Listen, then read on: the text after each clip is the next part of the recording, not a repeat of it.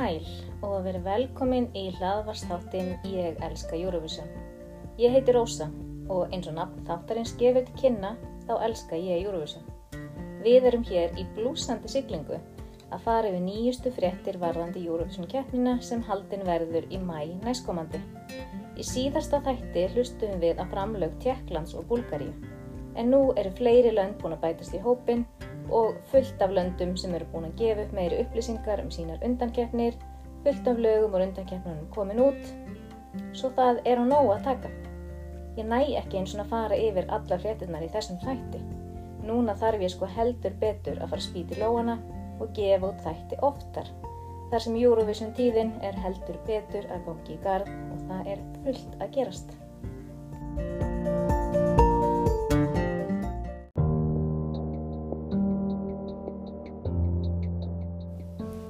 Vitiði hvaða er samt erfiðast við það að vera með svona hlaðvúrstátt? Það er sko ekki upplýsingaöflunin eða handritaskrifin. Ég hef bara gaman að því. Það er ekki upptakan á þáttunum og þar sem ég klippi þættir ekki neitt, þá er heldur ekki það. Það sem er allra erfiðast við allt þetta ferli er hvernig ég á að byrja helvitis þáttin, afsaki brotið. Þess vegna byrja ég bara alltaf á sæl og veri velkomin eins og mér finnst það samt ógíslega óspennandi þá dett ég samt bara alltaf þangað. Ég væri svo ógíslega mikið til í að vera með eitthvað skemmtilegt intro en ég get bara ekki svona eitthvað of mikið pepp, eitthvað þannig, ég fæ bara svona kjánar haldið tilöksun um að gera eitthvað þannig. Þannig að þið verður bara afsaka ófrumleg heitin í mér hérna. Ég bara segja ykkur júruvísum fréttir og vonandi bara dugar það til þess að þið halda áfram að kveika þættinum og hlusta. En mér langar ótrúlega mikið að byggja ykkur um stóran greiða áður en við förum í Eurovision fréttir.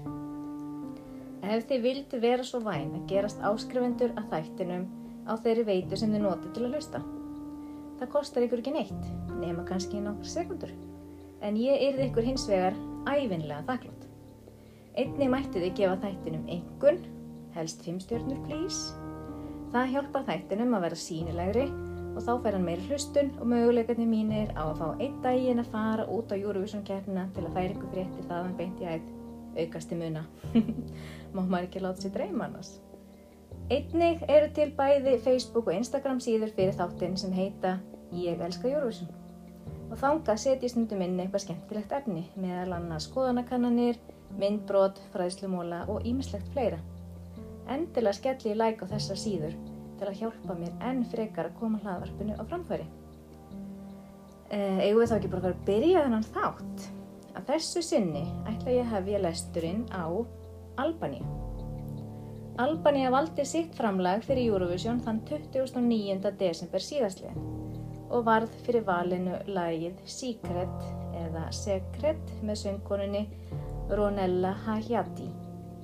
Albaníu hefur ekki gert það gott í Eurovision gegnum árin en þeir hófu þáttöku sín í keppninni árið 2017 og þeirra besti árangur er 11. sæti árið 2018.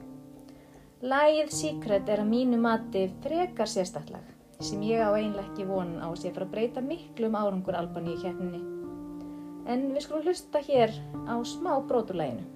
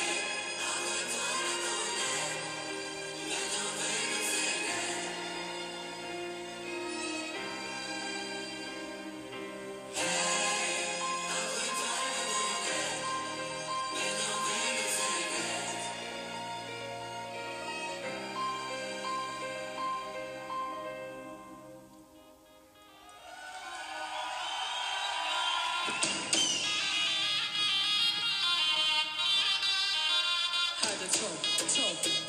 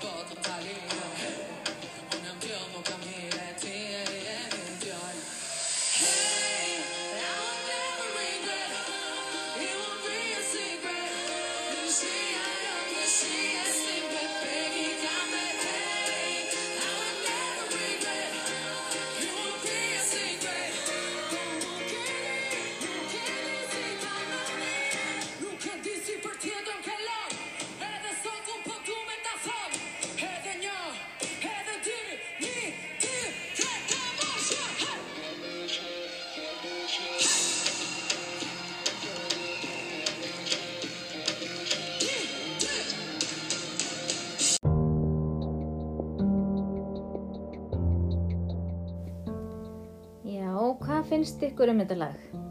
Uh, ég veit ekki alveg. Mér finnst það skára svona því oftar sem ég hlusta á það en það er samt ekki að gera mikið fyrir mig, því miður. Þið megi endilega senda mér skil á Instagram eða kommenta undir nýjustu myndina um þáttinn á Insta. Hvernig er það fíldalag? Ég er mjög forvitin. Um, en við ætlum næst að fara yfir til Noregs. Núna er fullum gangi undankeppni Noregs fyrir Eurovision. Heitir svo keppni þar í landi Melody Grand Prix og er mjög skemmtileg og flott keppni. Keppni er skipt niður í fjögur svokulluð hít og í hverju híti keppa fjögur lög. Það lag sem sigrar kemst svo sjálfkrafa áfram í úslitin. Þegar öll fjögur hítin er búinn og þá komnir fjóri sigurvegarar, þá er haldið Last Chance kvöld, þar sem hinlaugin sem ekki komast áfram fá annað tækifæri og þar komast fjögur lög í viðbót áfram í úslitin. Einnig er alltaf nokkur lög sem sjálfkrafa hafa komast áfram í úslitin. Uh, ég fann reyndar ekkit um af hverju eða hvernig þau komast áfram en að þessu sinni eru fimm lög sem eru sjálfkrafa komin áfram í úslitakeppnina áður en einhver keppni byrjaði. Eitt af þeim lögum virðist enn sem komið er verið að tali sigurstránglegast, svo það verður gaman að sjá hvernig það allt fer. Hít 1 var haldið núna 15. janúar og bar hann Fróte Vassel. Ég veit ekki hvernig maður ber þetta fram, það er ekki mig. Hann bar sigur og bítum með læð Black Flowers. Ég er einmitt búin að hlusta á öll lögin í norsku keppninni og gaf þeim engun. Og þessu lagi gaf ég hæstu engunna í hít 1. 7,5 af 10. Þannig að ég var ána með það. Næsta hít er svo þann 22. janúar. Þegar þessi þáttur er tekin upp, þá er það bara morgun. Og verða hítinn svo haldinn koll af kolli á lögataskvöldum. Last Chance keppnin er svo 7. til 12. februar og úrslita kvöldið þann 19. Þá fáum við að vita hver fer fyrir hönd Noregs í Eurovision. Ef ég nægi að gera einn annan þátt fyrir þáttarsningu sem er nú klálega á listanum hjá mér, þá er aldrei vita nefn ég leif ykkur að heyra búta úr öllum lögunum sem hafa komist áfram þá og hendin skoðunarkvörnun á Instagrami í leiðinni til að sjá hvaða lag þið myndi vilja sjá fara í Eurovision fyrir hönd Noregs. Þá ætlum við að skella okkur yfir til Möldu. 22 lög er að keppa fyrir hönd Möldu í undankeppni þeirra fyrir Eurovision í ár. Öll lögin hafa verið sett á netið þannig að það er hægt að hlusta á þau þar. Ég veit ekki alveg hvernig keppnið þeirra virkar en það er að minnstakost í semifinal þann 17. februar og þá munur 16 lög komast áfram í Úslandkeppnina sem haldin verður þann 19. februar. Samkvæmt skoðunakönnun á Eurovision World þá eru tvö lög valinn sem sigur stránglegust. Annars vegar lagið Ritmu með söngaranum Aidan Kassar og hins vegar lagið Out of Sight með Emmu Muscat. Ég er ekki búin að hlusta á öll lögin sjálf en ég hlusta á þessi tvö lög og mér finnst þau bæði mjög góð og ég get alveg séð fyrir mér að þeim muni ganga vel í Eurovision. Malta er að taka Eurovision mjög alvarlega på síkastið og þeim langar að vinna. Það er enginn ráð á því. Ég ætla að setja smá brot af þessum lögum á Instagram síðu þáttarins. Ég elska Eurovision. Þar sem þið getur valið hvort lagið eitthvað finnst að eitthvað sigra kemni í moldu. Og endilega kíkja á það. Mér langar ekki að spila brot úr undankeppnunum hér í þessum þætti núna. Um, að mistakast ekki eins og er, en kannski í framtíðinu þegar ég fer að gera ídalegri þætti um hverju einu undankeppnuna, það væri náttúrulega geggjað. En það er ekki bóði fyrir mig eins og er, ég er bara hreinlega því miður ekki tíma til þess. Uh, kíkjum þá á Finnland. Finnar eru búin að gefa út sín sjölög sem keppa um plásið fyrir þeirra höndi Eurovision. Keppnin fer fram 27. februar og eru mörg skemmtileg lög að keppa þar. Ég hlusta á þau öll. Mér fannst tvö lögin bera af. En það eru lögin Ram Pam Pam, sungið af hljómsveitinni Bess og svo lagið Kuma Japa sem þýðist á ennsku sem Hot Guy, sungið af söngvaranum Isaac Sene.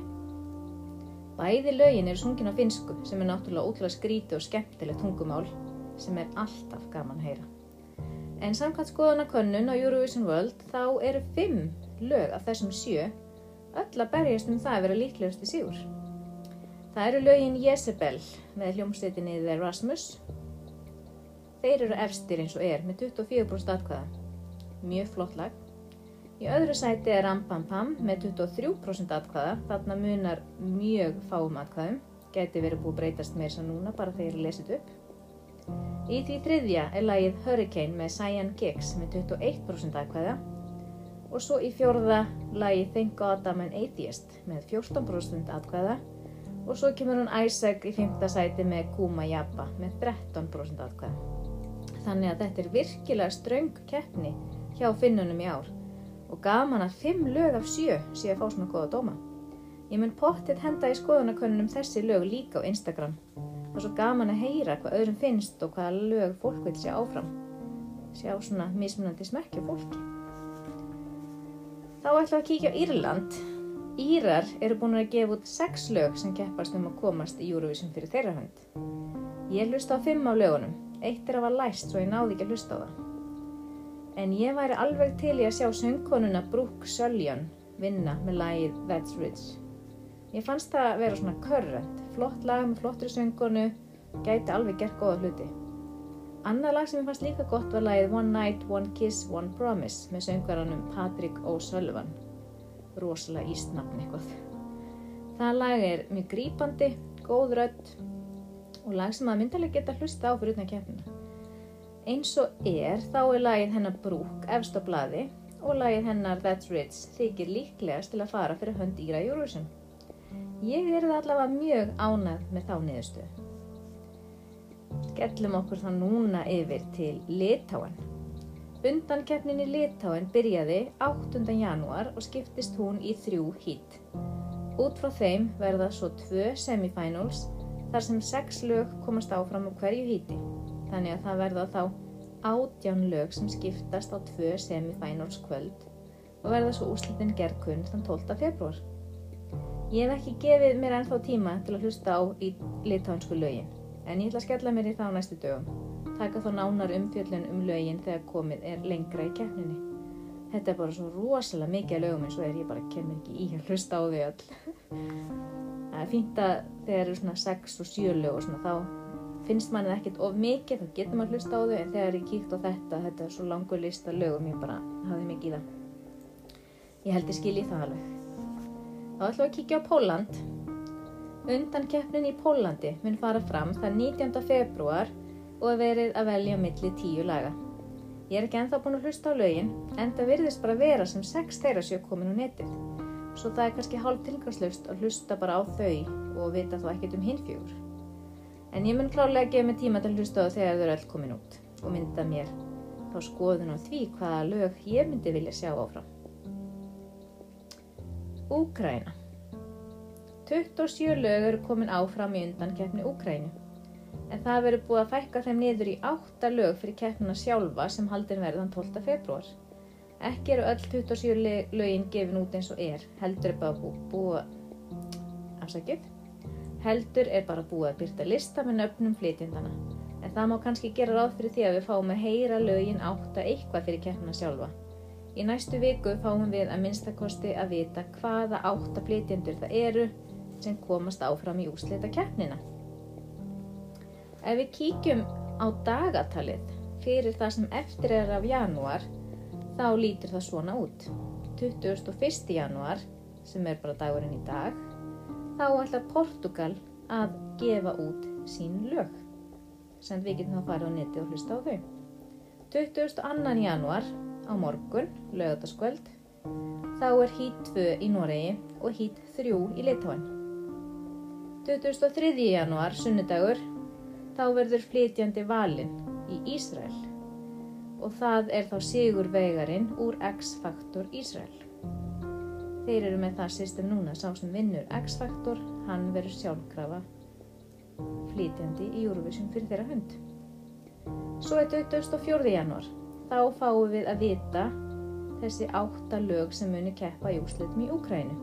Eða við fáum allavega að vitja, vita flytjandunar Ég er ekki alveg komin með þá hreint hvort við fáum að vita og hlusta á lögin akkurat þá. Það verður bara komið ljós. 27. og 27. janúar þá eru semifinals á Spáni. 29. janúar þá er aftur komið lögataskvöld, þá er hít 3 í Noregi, semifinals 1 í Litáen og úrslitin vera tilkynnt í undankeppninni á Spáni. Þannig að þá eru þau komin með spænskalagið. 30. janúar þá mun Ísrael gefa út nokkur lög með sínum flytjanda sem að verður svo hægt að kjósa milli. Eh, Februar er svo stút fullur af dagskrá og mun ég klálega þurfa að gefa út nokkra þætti í februar og mars til að ná að halda utanum allt þetta efni sem er að fara að gerast. Í næsta þætti stefni ég á að tala um Spán, Ítalíu, Portugal, Ísland og Ísrael meðal annars. En ég ætla að segja þetta bara gott í byli. Takk fyrir að hlusta. Bæjó!